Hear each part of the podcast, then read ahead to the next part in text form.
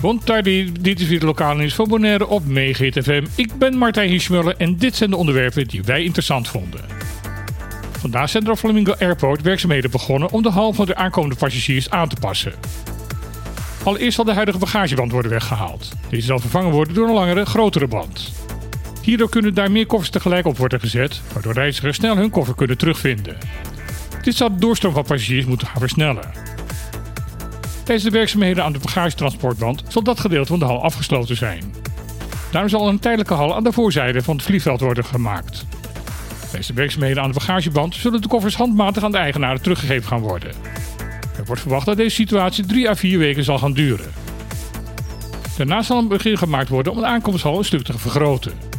Want als er op dit moment twee grote vliegtuigen vrijwel gelijktijdig aankomen, is het in de huidige faciliteit echt dringen.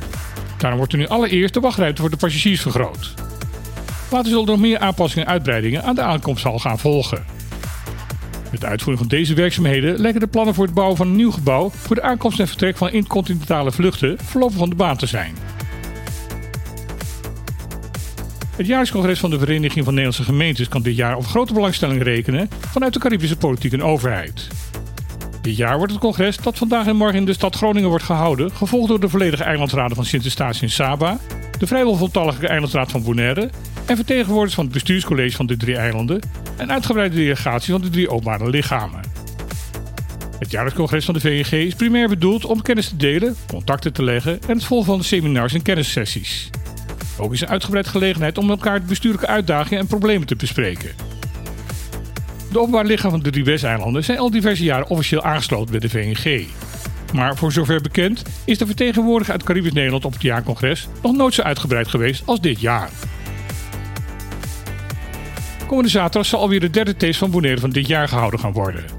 Het zal ook de officiële afsluiting gaan worden van de Bonaire Rumweek. Het programma zal ook nu weer boordevol zitten met muziek en ander creatief talent.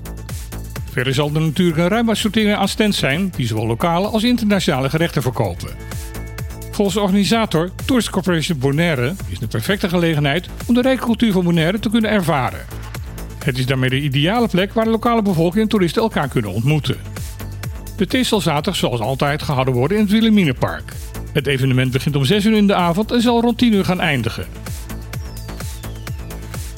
Op Curaçao blijken de medisch specialisten van het Curaçao's Medisch Centrum een extra bonus te krijgen wanneer ze een patiënt behandelen die particulier verzekerd is.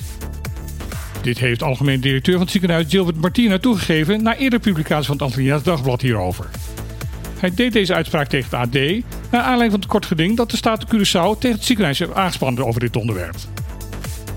Martina ontkent dat de particuliere patiënten daarbij zijn voorgetrokken boven de patiënten die zijn verzekerd via de door de overheid bekostigde basisverzekering ziektekosten.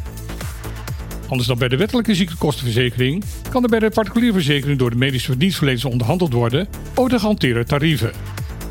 De verzekeringsmaatschappijen hebben aangegeven niet te hebben geweten dat dit de reden was dat een paar jaar geleden opeens de tarieven van CMS sterk omhoog gingen voor particuliere patiënten. Volgens directeur Martina was deze stap noodzakelijk.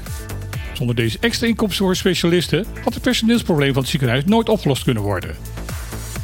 Voor sommige specialisten betekenen deze extra premies een aanvulling op een inkomen van 30%.